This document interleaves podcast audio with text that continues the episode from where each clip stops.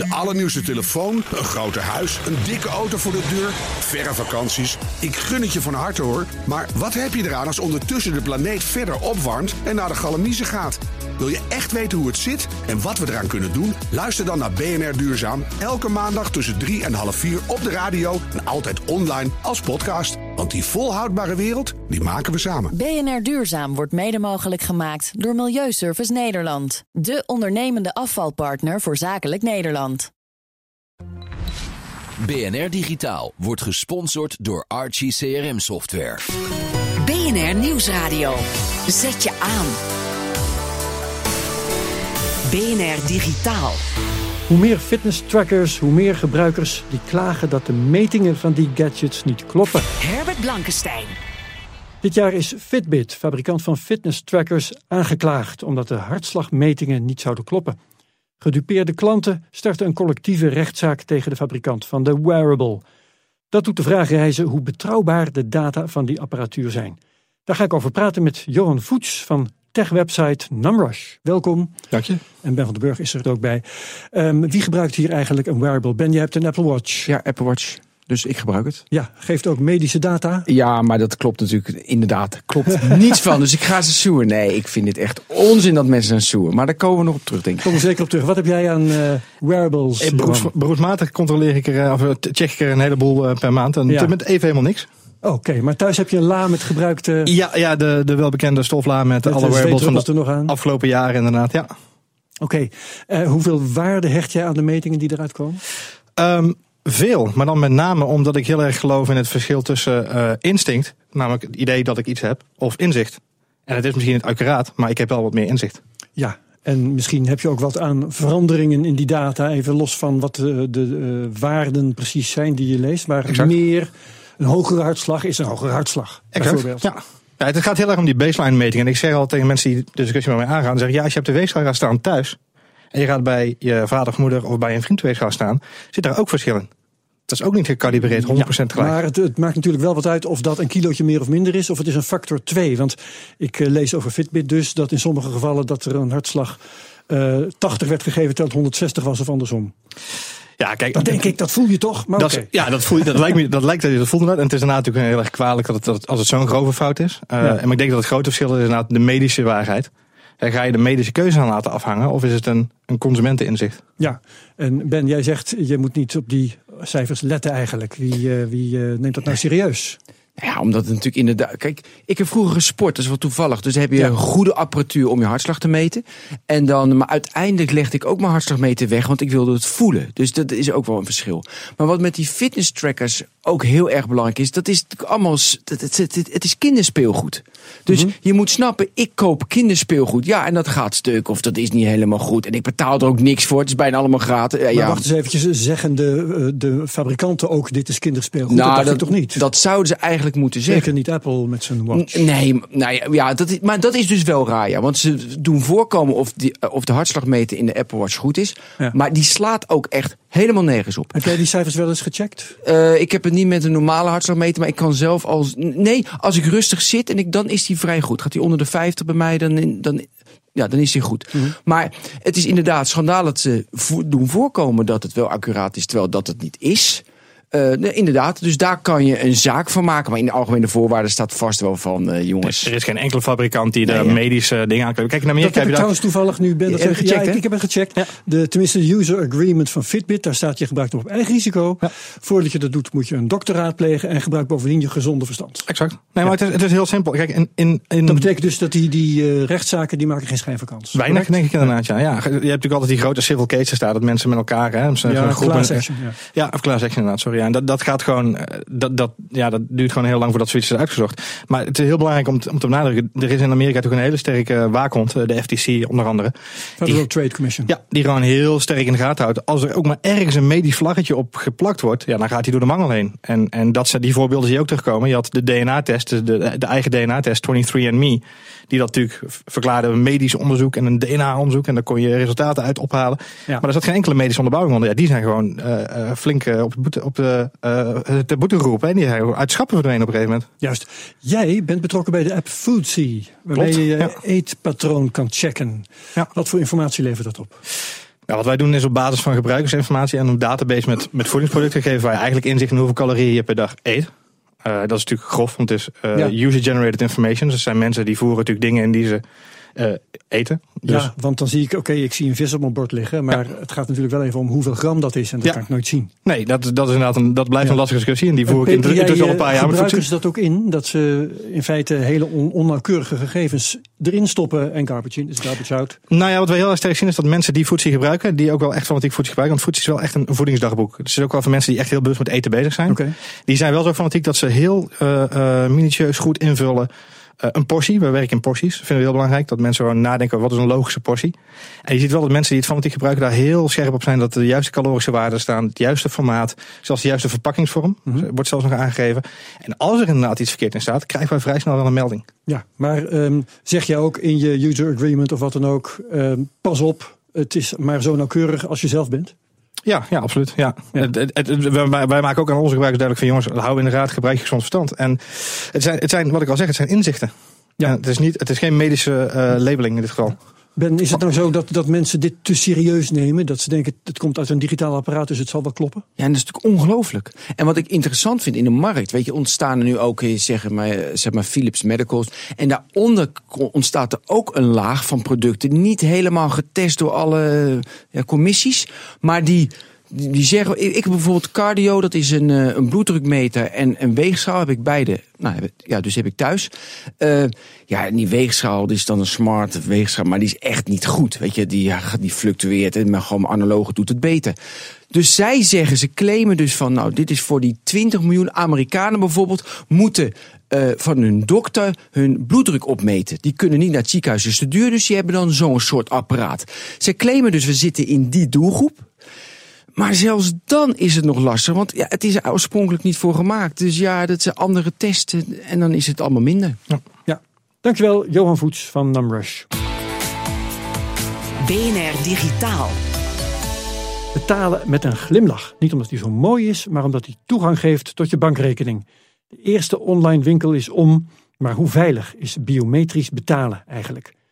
Het bedrijf OneU ontwikkelde een app waarmee het kan. Veilig, zeggen ze zelf.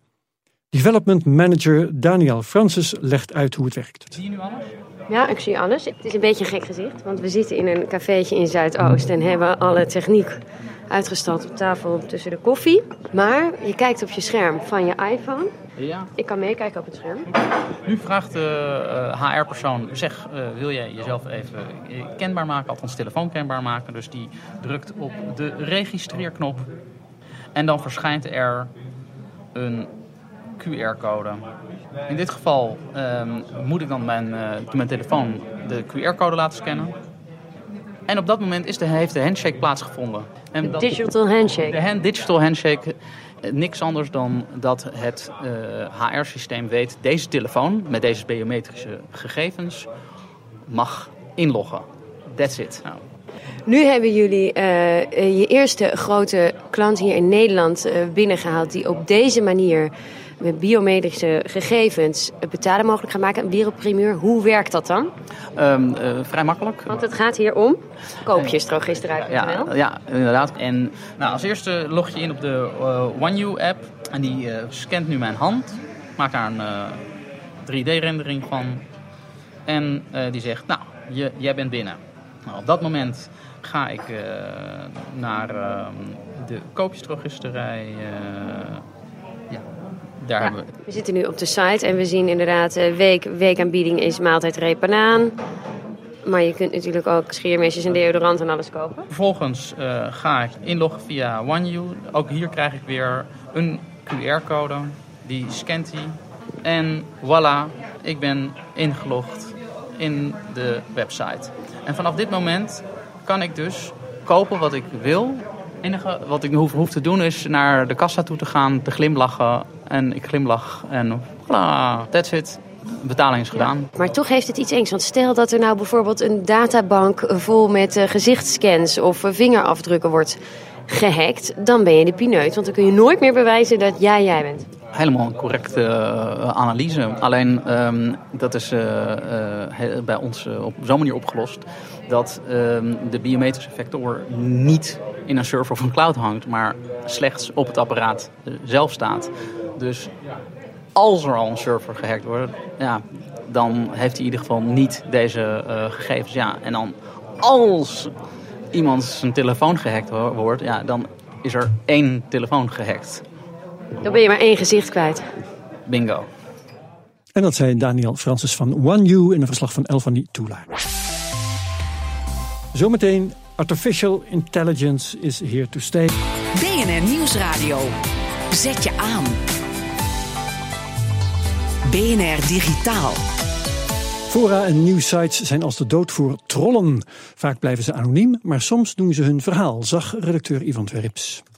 Trollen zijn online een groot probleem. Menig nieuwssite, ook in Nederland, vraagt zich af hoe daar in vredesnaam mee om te gaan. Mensen die reacties ophitsen en discussies bewust kapot proberen te maken. Een van die trollen is nu opgestaan. Ken M heet de man, een redelijk goedaardige troll. Fox heeft hem gesproken. I'm Ken M. Carthy, and I play a well meaning moron on the internet. I prefer to call this uh, bringing a banana to a gunfight. Oké, voorbeeld. Een nieuwsbericht. Brain cells can outlive the body. Ken gaat los met de eerste reactie en daarna komen de reacties op zijn reactie. Um, cells can't be destroyed, they just get recycled. The cells we're made of were once the cells of dinosaurs. And before that, they were the cells of a star, etc. Stupid statement from any world viewpoint. It isn't stupid, although it isn't the cells per se, but rather the molecules that make up the cells. We are all part of everything. I think it's kind of beautiful. The very cells in our brains were once the cells of planets. It make us all related. It isn't stupid, although it isn't the cells per se, says Ophelia. That is my point. It isn't cells, and Ken just continues with his ignorance. There's actually more cells in our brains than there are brains in our entire body. Waarom kan Ken M onbeperkt zijn gang gaan? Allereerst omdat hij anoniem kan blijven. Ken M was the name that I used when I tried to engage with people seriously on uh, Yahoo News stories. When I slowly realized that it was such a futile effort to try to have like a rational discourse, I suddenly decided to make it as irrational as possible. Ken M is populair. En dat komt omdat hij grappig is en omdat andere sites zijn bewust stupide commentaren oppakken en verder verspreiden. Een andere succesfactor? Ken M heeft mensen die hem helpen door nog idiotere reacties te schrijven waar Ken dan weer overheen kan. These interactions that I have, it's like I say one thing and somebody's like, "What do you mean?" And then I drop the punchline. And there's something like so pure about that like corny old-timey joke structure that I love. And then I love the fact that these people don't know that they're part of it. Verder zoekt Ken M de humor van het soms wat tragische internet op. En lijken zijn reacties vaak heel erg diepgaand, maar zijn ze dat totaal niet.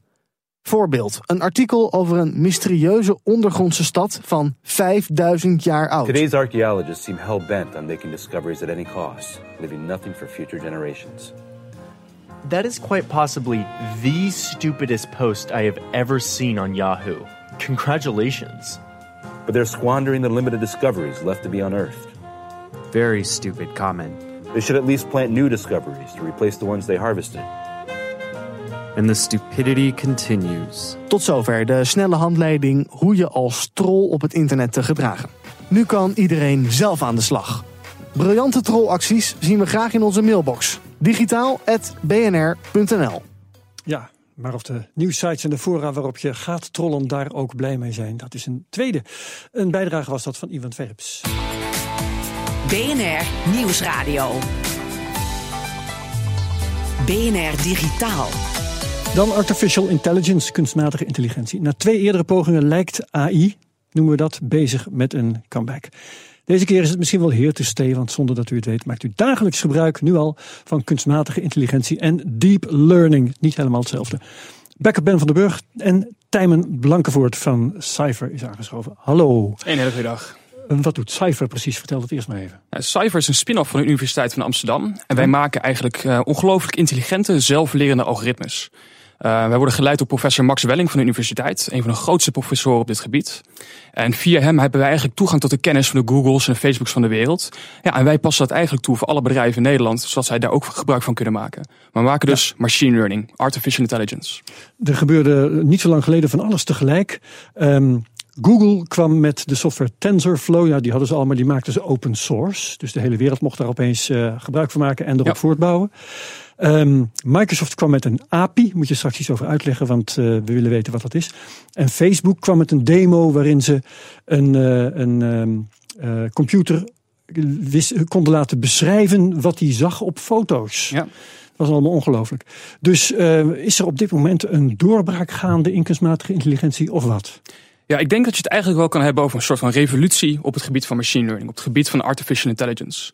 Ergens in 2006 uh, zijn er nieuwe algoritmes uitgekomen, genaamd uh, deep learning. En die zorgen er eigenlijk voor dat wij uh, dingen die voorheen niet mogelijk waren, op het gebied van image recognition, geluidsherkenning, tekstherkenning, dat dat nu mogelijk is. Dus waar we voorheen het onmogelijk was op basis van een plaatje te zeggen wat in het plaatje stond, kunnen nu zelfs beter dan mensen objecten in plaatjes herkennen. Beter dan mensen? Jazeker. Tot nu toe was het altijd zo, alleen mensen zijn goed in patroonherkenning. Ja, maar dat is dus veranderd. Nu, precies, ja. Dus door die nieuwe technologie, door die deep learning, kunnen we nu eigenlijk algoritmes maken die, ja, als je bijvoorbeeld een plaatje van een persoon laat zien, dat hij dan zegt, ah, er zit een persoon in het plaatje. Nou, dat is natuurlijk ongelooflijk nuttig. Ja, maar dat zie ik meestal ook wel. Dus Ja. wat kan zo'n algoritme dan beter dan ik het kan? Nou, het mooie van die algoritmes is dat ze heel veel data kunnen bekijken. Dus op het moment dat jij bijvoorbeeld ehm hondenrassen wil klassificeren. Nou ja, ik, ik, ik weet niet of jij verstand hebt van hondenrassen. Ik Mm. totaal niet. Ja, ik veel. Jij wel? Nou, heel belangrijk. Ben van Burg wel, Maar zo'n oké. algoritme kunnen dus leren op eh, honderden verschillende rassen eh, die rassen te herkennen. Dat kan je natuurlijk met een mens kan je dat ook wel. Maar eh, niet iedereen heeft dat zomaar eh, gedaan. Oké, dan hebben we nu dus deep learning. Ja. Dan wil ik even terug naar Google met die software die ze open source hebben Ja, gemaakt. Flowchart, ja. Wat kun je daarmee en waarom maakt Google, geeft Google dat weg, om zo te zeggen? Eh, de TensorFlow is eigenlijk een soort van library waarmee dus die zelf lerende intelligente algoritmes kan maken. Ehm, en wat ze weggeven, ja, dat is eigenlijk wat ze intern hebben ontwikkeld. Maar het is niet zo heel speciaal. Deze library schieten eigenlijk als paddenstoelen uit de grond. Het zijn er heel veel van. Twee dagen geleden heeft... Google eh, is niet uniek hierin. Zeker weten van niet. Nee. Iedereen heeft dat. Iedereen heeft het. Het is open source beschikbaar. Wij maken het. Iedereen maakt het. En eh, het is nu zo, zo populair omdat de resultaten zo spectaculair zijn. Er kan zoveel gedaan worden met deze technologie. Het zit ook tegenwoordig overal in. Dat het, eh, en daarom zorgt het er eigenlijk voor dat er zoveel eh, libraries komen. Ja, maar leg mij eens uit. Dus je hebt Ja. een library, weet je, Microsoft, Precies, Watson, eh, ja. prima. Dus je downloadt de SDK en dan? SDK is een ehm, De development software kit. Ja. Ja. Ja, dus Software wat kan je kit. er dan mee? Nou, wat je eigenlijk ermee kan doen, is eh, er heel veel plaatjes in stoppen. Dus je geeft het algoritme heel veel voorbeelden. Ja, je voert hem eigenlijk met nieuwe data. En dat, zorgt er, en dat algoritme gaat dan zelf leren. Eh, voorbeeldje, ik wil eh, honden- en eh, kattenplaatjes herkennen. Nou, dan download ik duizend plaatjes van katten. Ik download duizend plaatjes van honden. En die geef ik aan het algoritme. En het algoritme gaat dan zelf gaat uitvogelen wat honden zijn, wat katten. Dus als ik hem dan een nieuw Hoe kan plaatje je dat geef... doen zonder dat iemand hem dat vertelt? Ja, ja, maar je vertelt het hem wel. Je vertelt het hem wel. Want je, je geeft ja, hem die dat voorbeelden. miste ik. Oké, prima. Dus je geeft hem zoveel mogelijk van die voorbeelden. En dan leert hij dat uit zichzelf. En dat kan je dus met deze libraries. Die kan je dus gebruiken om spraakherkenning te gaan doen. Om eh, image recognition te doen. Om eh, teksten te analyseren, et cetera. En daar wordt het voor gebruikt. Nou, nog even iets anders, want Microsoft kwam dus, ik noemde het net al met een, een, API. Ja. Eh, ik weet wat dat is in de context van Google Maps. Hè. Dankzij de API van Google Maps kan iedereen, elke kruidenier kan op zijn site een kaartje van Google Maps hebben met hier is mijn winkel. Ja. Hè. Maar wat betekent dat bij Microsoft in de context van, ehm, van deep learning? Nou, die API van eh, Microsoft, eh, dat is eh, gewoon het een hele cloud-platform eigenlijk. Dat is een soort van sausje over die deep learning software heen. Dus als jij bijvoorbeeld gezichtsherkenning wil doen of emoties in nou, gezichten van mensen wil herkennen, dan kan je die API aanroepen met een plaatje. Zeggen van, nou, hier staat een persoon op. En dat algoritme geeft je dan een resultaat terug van deze persoon is aan het lachen, of deze persoon is aan het huilen, of kijk boos. Een beetje dat idee. Dus dat is wel een handig instrument. Dat is een heel handig instrument en daar kunnen alle developers in Nederland weer gebruik van maken om nieuwe dingen te doen. Ben van den Burg, hoe belangrijk is dit? Ja, ik denk heel belangrijk. Ik vind met de plaatjes herkennen vind ik nog een beetje flauw, maar ik zie je heel eh, voornamelijk in chatbots. Het lijkt me echt fantastisch wat nu, weet je, chatbots werken voor geen meter. We kennen ze al 15 jaar. Dat je eindelijk met ze kunt praten. Dat je echt kan praten als een mens. En we kennen natuurlijk allemaal de film Her. Dat is altijd mijn beeld van twee jaar geleden. En dat is artificial intelligence echt heel goed. Dan vraag ik natuurlijk weer, willen we dat? Willen we Ja, niet gewoon dat- met mensen praten? Nee, nee, nee, nee, nee. Want er zijn heel veel functionaliteiten, heel veel dingetjes. Joh, daar heb je helemaal geen mens voor nodig. Een mens moet je gebruiken voor het unieke, creatieve, kijken in de ogen, de warmte, de liefde. En er zijn zoveel dingen op een dag die je doet dat je denkt van, joh, heb ik helemaal geen mens voor nodig. Die doen het zelfs slechter. Daar ben ik het helemaal mee eens. Ja, ik denk ook juist omdat dit soort dingen, er zijn heel veel dagdagelijkse taken die eh, nu nog heel intelligent lijken, alsof we er mensen voor nodig hebben. Eh zoals geluidsherkenning of het monitoren van systemen. eh, Autorijden. autorijden bijvoorbeeld. Hmm, ja, ja. Dat gaat er straks allemaal een algoritmes over. Nou, en draai het eventjes om. Eh, jij zegt, willen we, daar, willen we in gesprek met een mens? Maar ook even andersom. Wie gaat die functie vervullen? Wie gaat eh, naar zoveel computerschermen kijken of er iets gebeurt in deze fabriek midden in de nacht? Dat zijn niet de meest interessante En valt hij niet in slaap. Precies, en valt niet in slaap. Ja. Eh, dus ik ben het helemaal met Ben eens. Laten we proberen nou, de mens voor, voor meer unieke dingen in te, in te zetten. Eh, Even optimistisch gedacht. eh. Misschien utopisch. Goed plan. Uh, Tijmen Blankenvoort, wie ligt eh, in dit veld nou op kop? Ehm, dat is een hele interessante vraag. Eigenlijk ligt er niemand op kop. Want zo'n beetje alle informatie op eh, de, in de academische vlakken, alle informatie bij Google, Facebook en Microsoft, wordt openlijk gedeeld met de rest van de wereld. Dus je ziet al nu al met die, eh, met die? TensorFlow die uitkomt. Waarom is er geen concurrentie dat zeggen dit is van mij en eh, ik wil mijn eigen technologie aan de wereld opdringen? bijvoorbeeld? De onderzoekers die doen dit, omdat het, A, het vlak gaat zo snel, dat op het moment dat je iets nieuws hebt ontwikkeld, dan is een andere partij alweer over je heen en heeft het, heeft het verbeterd. En B, om er juist voor te zorgen dat de ontwikkelingen veel sneller gaan. Want op het moment dat je met de hele academische community al die technologie deelt, kan iedereen daar naar kijken, kan iedereen gebruik van maken en kan ook iedereen het verbeteren. Dus eh, dat Google dit nu open sourced, is een hele normale stap voor ze. Ze zijn juist van de filosofie dat iedereen er gebruik van moet gaan maken. Ja, Jasper Bakker, jij wou wat zeggen. Je eh, valt Herbers vraag niet te beantwoorden door dit te voeren aan een API of aan een stuk eh, software van, met deep learning. Wie, ligt er op kop? ligt? Eh, momenteel nog niet, maar misschien moeten we die app gaan maken. ingewikkeld. Nou, en ik wil ook heel graag weten hoe ver eh, is het al met artificial intelligence, met compassion en met dromen en met dus waar mensen goed in zijn, common sense, weet je, Nou ja, die- patroonherkenning was het dus al. Dat ja, is al één zo'n ding. Maar wat is echt het menselijke? Hoe ver zijn ze daarin? Heb je daar mooie voorbeelden van? Dat zit er eigenlijk nog amper in. Die algoritmes zijn er heel goed in om net te lijken alsof ze intelligent zijn. Maar ja, het is eigenlijk net als een schaakcomputer. Als jij een schaakcomputer ziet, die kan dan beter dan een mens schaken. Maar die noemen we niet echt intelligent. En hetzelfde geldt voor deze nieuwe die algoritmes. Ze zijn heel erg intelligent, ze doen hele intelligente dingen. Maar eh, het algoritme wat bijvoorbeeld eh, plaatjes kan herkennen of eh, tekst kan herkennen, ja, dat gaat niet over jou koken of dat gaat niet een gezellig gesprek met je houden. Dus al die intelligente dingen die ons echt mens maken, dat zit er nog niet in. En dat gaat ook nog een tijdje duren voordat dat erin zit. Kijk nou eens eventjes, niet al te lang, maar een jaar of vijf vooruit. Wat zit er dan wel in? Wat, wat gaat ons verrassen de komende tijd, wat jij eigenlijk al weet? Ah, als ik het zou weten, had ik het zelf al geïmplementeerd en in de praktijk gebracht. Ehm, heel erg lastig te zeggen. Ik denk wel dat eh, voornamelijk op taalgebied en op tekstherkenning dat er heel veel gaat gebeuren de komende vijf jaar. Dus ik sta er niet verrast van als straks bijvoorbeeld automatisch rapporten van bedrijven automatisch verwerkt kunnen worden eh, tot eh, sensible getallen, tot sensible cijfers waar je wat mee kan doen. En Ben, wat denk jij? Ja, ik denk customer service centers. Dat wordt echt veel, veel, veel Ja, makkelijker. Nu vraag zijn en antwoord. mensen met vraag en antwoord. Ja, Is alles wat met tekst te maken heeft de komende vijf jaar, Ja. heel groot. Heel hartelijk dank allemaal. Bekker Ben van den Burg, Tijmen Blankenvoort van Cypher, Jasper Bakker ook nog. BNR Digitaal. Herbert Blankenstein.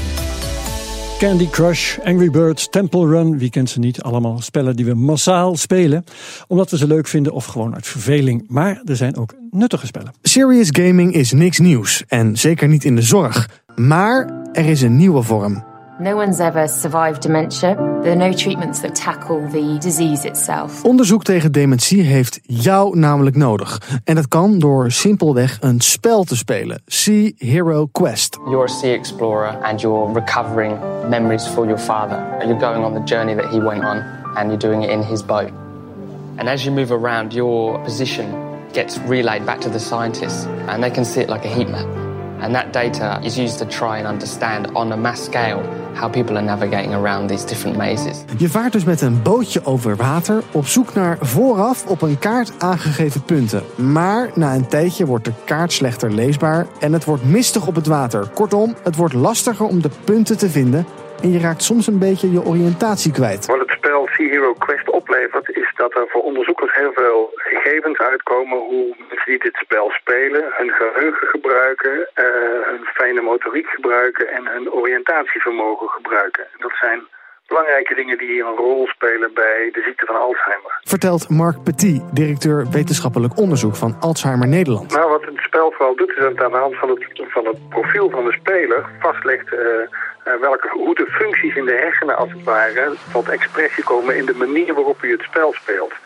Eh, dat heeft te maken met de snelheid van bewegen, meteen de corre- correcte acties uitvoeren, het onthouden van een aantal dingen die in het spel voorkomen. Dat zijn met name dingen die wegvallen bij mensen die last krijgen van de ziekte van Alzheimer. Twee minuten dit spel spelen komt overeen met vijf uur conventioneel onderzoek. Hoe kan die enorme winst behaald worden? Wat je zich moet voorstellen is dat in een klassieke onderzoeksopzet mensen eh, naar een laboratorium toe moeten komen, daar vragenlijstjes moeten invullen, eh, testjes doen, eh, soms ook gevraagd worden om bewegings- of geheugenoefeningen te doen. En alle tijd die daarmee gepaard gaat, dat is al gauw vijf uur. En zelf spelen, een link naar het spel is te vinden op bnr.nl slash digitaal. BNR Digitaal wordt gesponsord door Archie CRM Software. De allernieuwste telefoon, een groter huis, een dikke auto voor de deur, verre vakanties. Ik gun het je van harte hoor. Maar wat heb je eraan als ondertussen de planeet verder opwarmt en naar de galamiezen gaat? Wil je echt weten hoe het zit en wat we eraan kunnen doen? Luister dan naar BNR Duurzaam. Elke maandag tussen 3 en half 4 op de radio en altijd online als podcast. Want die volhoudbare wereld, die maken we samen. BNR Duurzaam wordt mede mogelijk gemaakt door Milieuservice Nederland. De ondernemende afvalpartner voor zakelijk Nederland. Land.